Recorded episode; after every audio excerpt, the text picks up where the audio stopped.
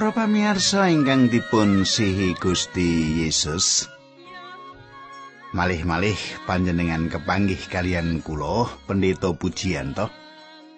Kados padatan kula badhe sesarengan kalian panjenengan wonten ing salebetipun adicara margi utami adicara ingkang panjenengan antos-antos. Awit margi utami menika satunggalipun adicara ingkang badhe bedah kitab suci makaten. Meratelaken kayektosan-kayektosan ingkang wonten ing salebetipun kanthi urut makaten nggih. Awit menika adicara margi utami menika penting sanget tumrap panjenengan ingkang remen kekilut pangandikanipun Gusti makaten nggih. Awit saking menika monggo panjenengan sesarengan lenggah ingkang sekeca nek duwe wedang ya dicerakake ana ngen radio supaya saged midhangetaken kanthi wijang menapa-menapa ingkang badhe kawula aturaken. Nah kula sugeng midhangetaken adicara menika.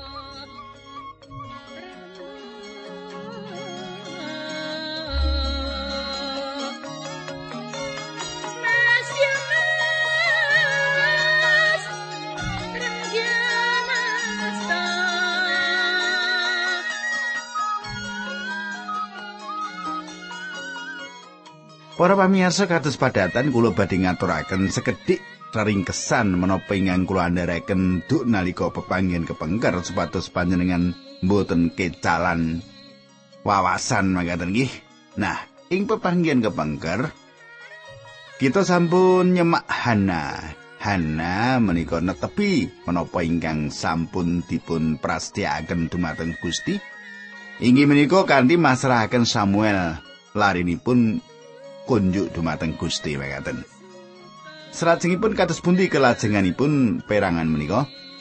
Kita badhe enggal nyemak ing pepanggihan menika nanging saderengipun kula ndedonga rumiyin kula dherekaken panjenengan ndedonga riyin nanging kawula badhe ngaturaken salam rumiyin saderengipun ndedonga makaten dumateng Ibu Lastiti nggih Ibu Lastiti menika saking dusun Cipari nggih Kados pundi Bu menapa panjenengan saya-saya kemawon?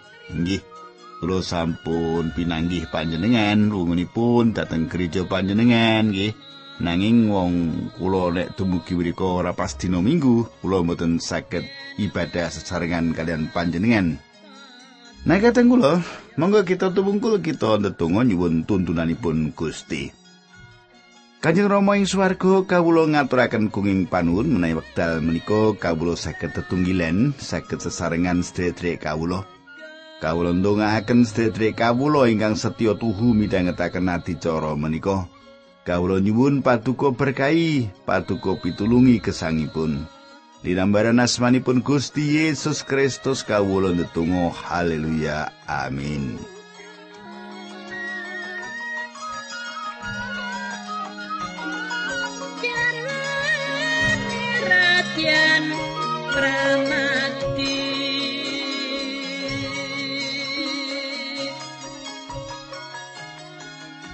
Para pamirsa, samenika pasinaon kita sampun ngancik setunggal Samuel kalih. Samenika pasinaon kita sampun ngancik setunggal Samuel kalih kula wiwiti ayat setunggal kula waosaken mangke kula nyukani keterangan-keterangan makaten nggih. Makaten suraosipun pangandikan. Hana banjur ndedonga unjuke manah kawula abingah-bingah margi Sang Yehuwa. Singating karosan kawula linuhuraken dening Sang Yehuwah cangkem kawula ngolok-olok satru kawula. Awit kawula asukurna margi saking pitulungan paduka. Mandek mriki riyen. Kadang kula tembung singat. Nggih tembung singat utawi sungu menika mratelaken babagan kegiatan. Dados menika nggambaraken satunggalipun kegiatan hana sanjang kekuatanku Nanging ingkang dipun kajengaken inggih menika kegiatan ing salebetipun Gusti, mboten kegiatan hanawi ambak. Hana asukurna ing kasunyatan bilih Gusti Allah. Sampun maringi lari jalur dumateng piyambakipun. Dikabulke dongane. Ngaten nggih. Kawilujengan timbul wonten tigang mangsa dal. Angka setunggal kula sami sampun kawilujengaken. Nggih. Kula sami sampun kawilujengaken menika kepengker. Kowe ndak kandhani wong sing ngrungokake tembungku lan percaya marang sing ngutus aku, wong kuwi ngalami urip sejati. Wong mau ora bakal dihukum wis lolos saka ing pati lan mlebu ing urip. Menika pangandikanipun Gusti Yesus ing Yohanes Gangsal ayat kawan likur. Menika pangandikan menika ateges bilih Gusti Allah sampun merdekaaken kita saking raos dosa awit menapa? Awit saking sedanipun Sang Kristus. Lalampahan menika inggih menika kabeneraken.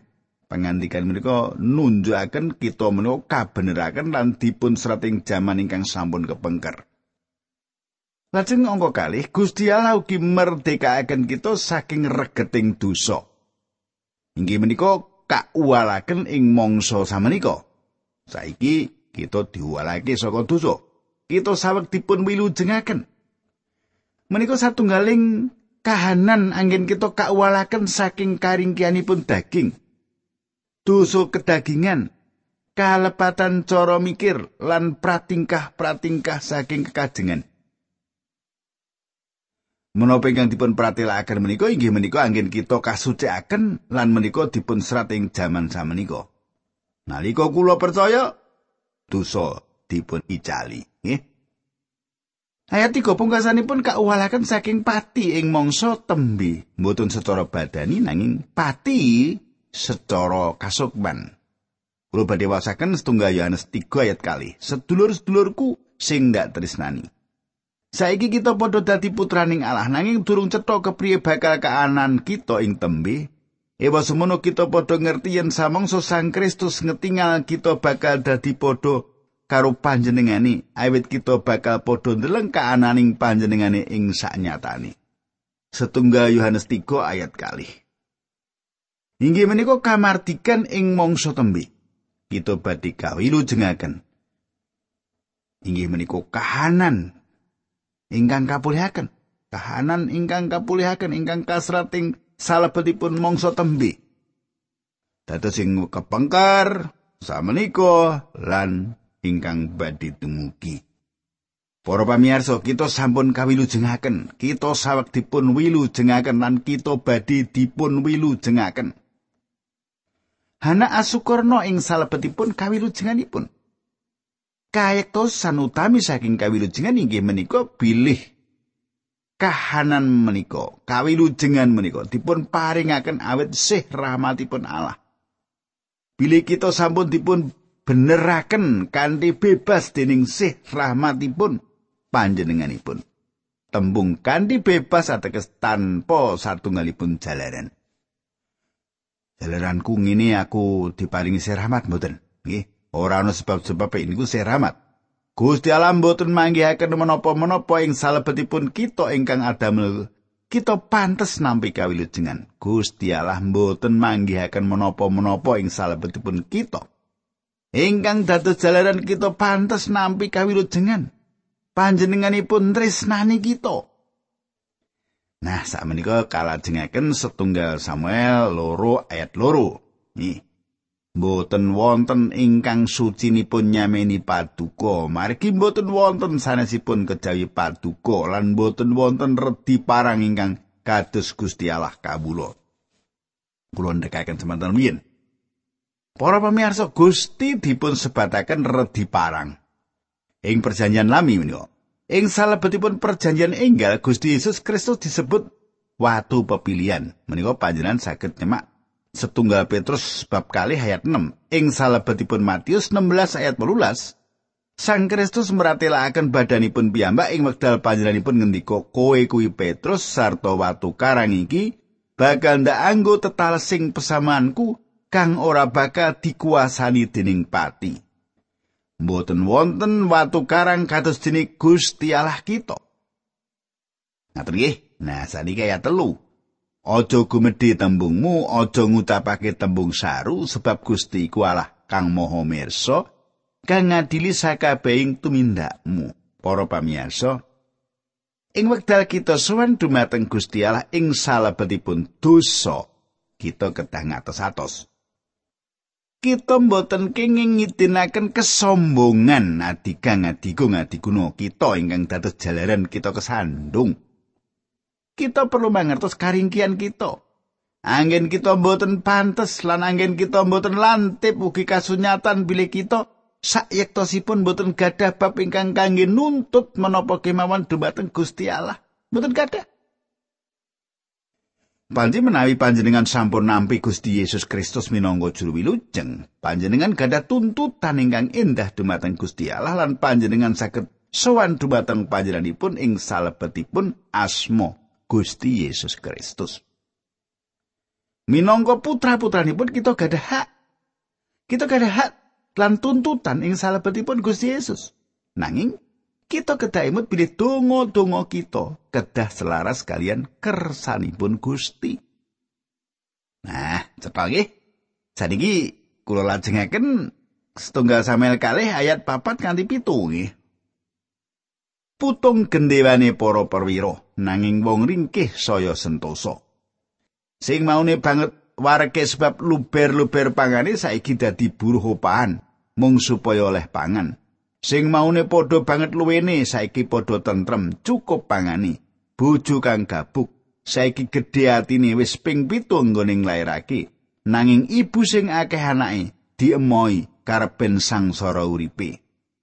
Gusti Allah kang ganjar pati mengkono kang nguripi kang ngedunake ing palimengan lan ngangkat meneh ing pangentasan. ana wong sing diremehake ana uga sing disugihake ana wong sing diasorake ana uga sing diluhurake mandek ayat pitu Para pamirsa ingkang kasrating mriki inggih menika Gusti Allah menika ingkang paring gesang. Gusti Allah menika ingkang paring gesang. Namung Gusti Allah ingkang kagungan panguwas maringi gesang. Lan namung panjenenganipun ingkang kagungan hak mundut Gusti Allah mboten perlu nyuwun pangapunten atas menapa kemawon ingkang dipun tindakaken. King menapa? Kok ora itu nyuwun pangapura? Awit jagat raya sedaya menika kagunganipun. Kita menika titah ingkang dipun titahaken panjenenganipun. Panjenenganipun nguwaosi jagat raya menika manut caranipun. Kula wangsul ayat pitu, ana wong sing diremehake, ana uga sing disugihake, ana wong sing diasorake ana uga sing diluhurake. Para pamirsa ayat menika nuntun kita ing satunggal pitakenan ingkang dipun adepi dening kita. Kenging menapa? Wonten ingkang sugih lan saperangan malih wonten ingkang melarat. Sedaya menika urusanipun Gusti Allah lan panjenenganipun badhe kuwaos gadah kuwaos maringi keterangan gegayutan perkais menika ing wancinipun benjang ora saiki nggih Saiki ayat 8 karo 9 kula waosaken nggih. Saka ing lebu diangkat wong sing keplaratan, wong nista dintas saka ing kasangsaran. Padha dadi kancaning para bangsawan sarta uga kaparingan kahormatan dasaring bumiku kagungane sarta jagat kebangun ing sanduwure.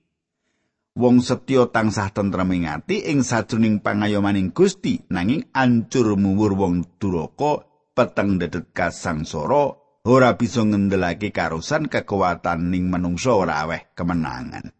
Para pamirsa, kanthi pambudidaya, panguwaos lan kegiatan piyambak manungsa mboten ate saged nggayuh menapa kemawon kunjuk Gusti Allah. Ora bisa. Tiang Kristen zaman-zaman menika perlu mangertos kasunyatan menika. Namung menawi panjenengan dan kula nindakaken kanthi panguwas Sang Roh Suci ingkang saged dados jalaran kita kasil. Namung menawi panjenengan dan kula nindakaken kanthi panguwas Sang Roh Suci. Inggih menika ingkang saged dados jalaran kita kasil. Lah menika tak terus ki ayat sedoso. Mungsuhe Allah padha kiris padha lebur ing langit gluduk geter-pater. Gusti Allah bakal ngadili saisining donya iki sarta maringake pangmasa kang mulya marang raja pilihani. Para pamirsa ayat menika satunggalipun ayat saking ayat ageng ing salebetipun kitab suci lan ingkang kawitan ingkang ginakaken asma Sang Mesias ing basa Jawi dipun jarwakaken raja pilihane utawi ingkang dipun jebati. Gusti Allah sampun siap ngedekaken satunggal kerajaan ing Israel. Awit Israel nampik cara pemerintahan teokrasi Gusti Allah ingkang kuwaos. Gusti Allah badhe miji badhe milih tiang dados raja kangge bangsa Israel kangge tiang-tiang menika.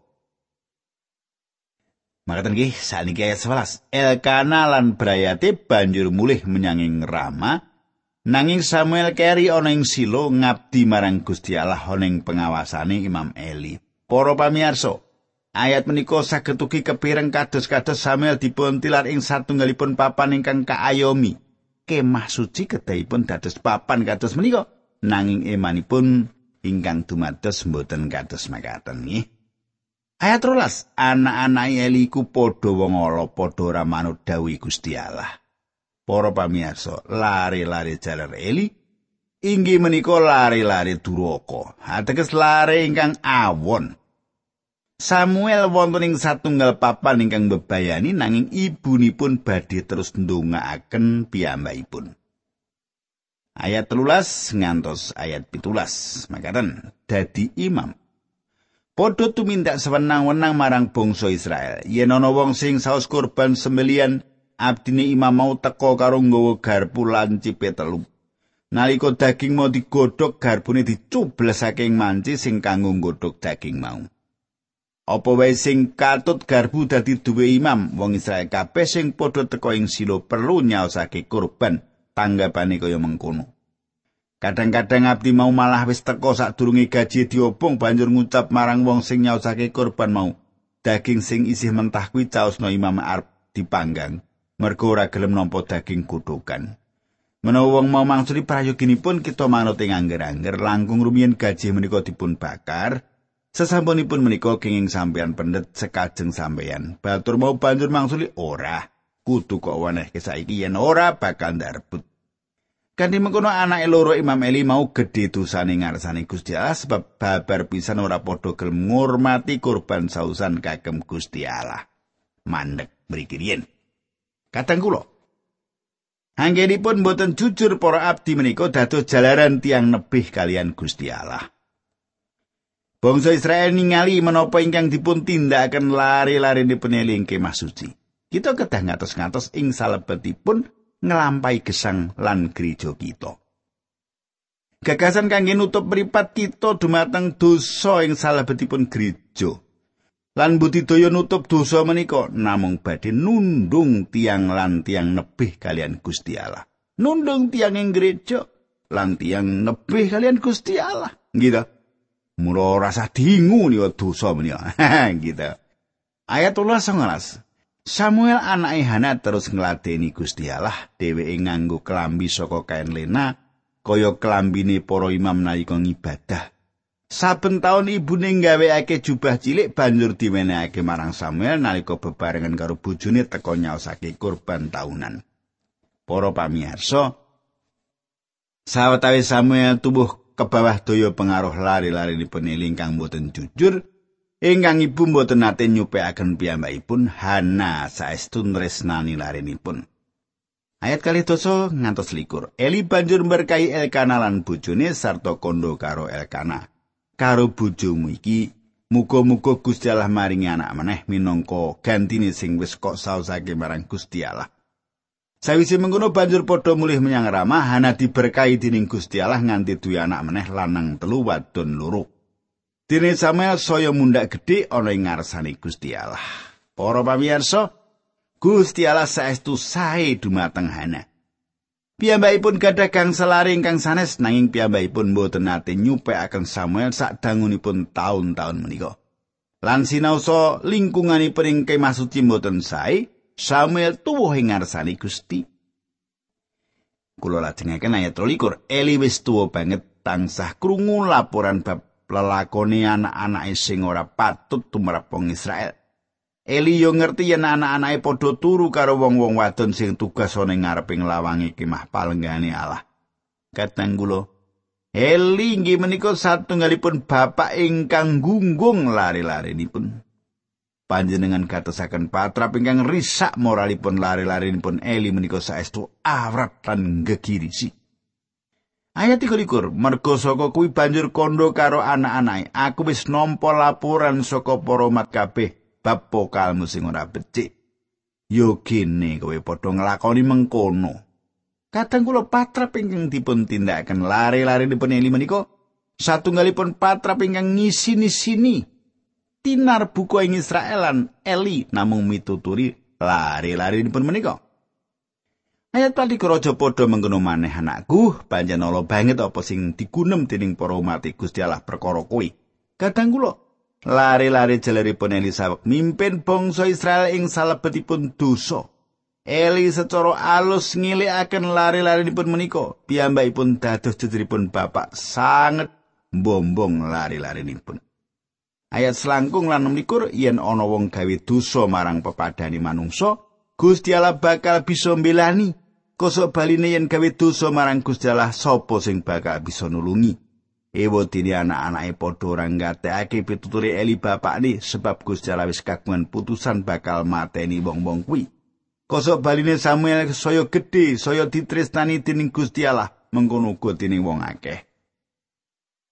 Malah kadang kula, ing salebetipun lingkungan ingkang saestu awon menika, Samuel saged tuwuh dipun remeni Gusti Allah lan manungsa.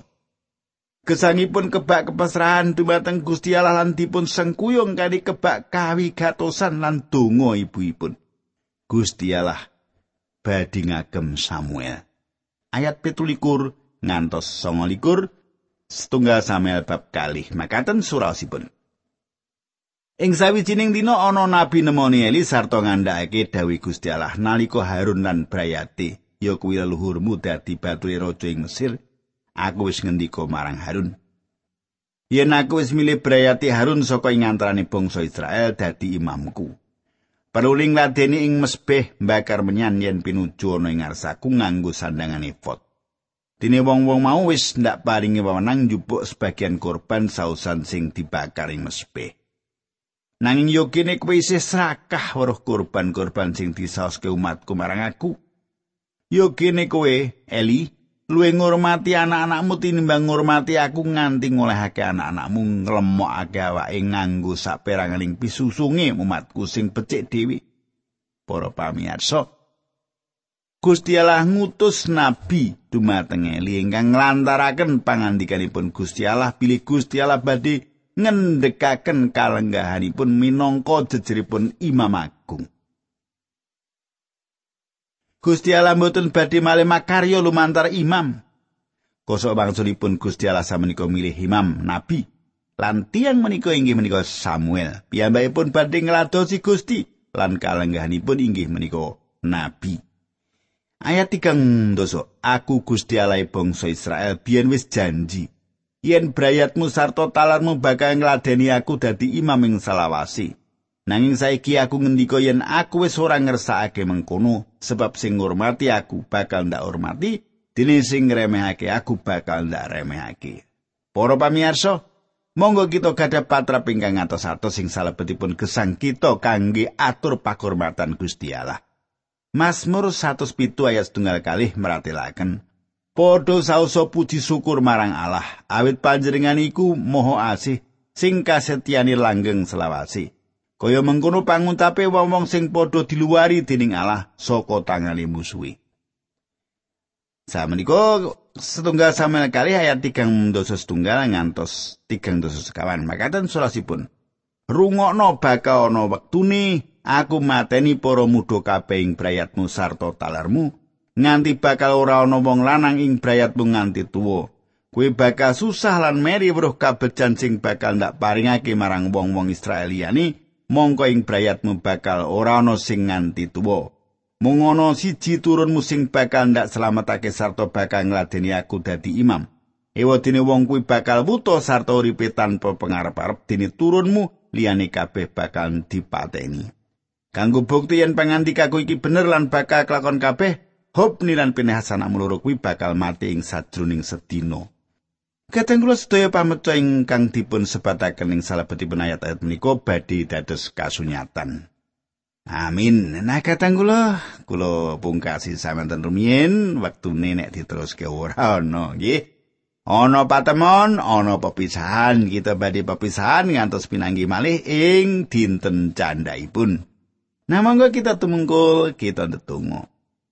Kanjeng Rama ing swarga sampun kawula daraken kayektosan kayektosan berkah-berkah saking pangandikan Paduka minangka dados pepiling kawula. Kawula pasrahaken gesangipun sedherek kawula menika wonten ing asta Paduka. Paduka jangkung Gusti, Paduka tuntuni supados gesang keluarganipun, gesang pribadinipun saged dados kaluhuran Paduka. Dinambaran asmanipun Gusti Yesus Kristus kawula ndedonga haleluya amin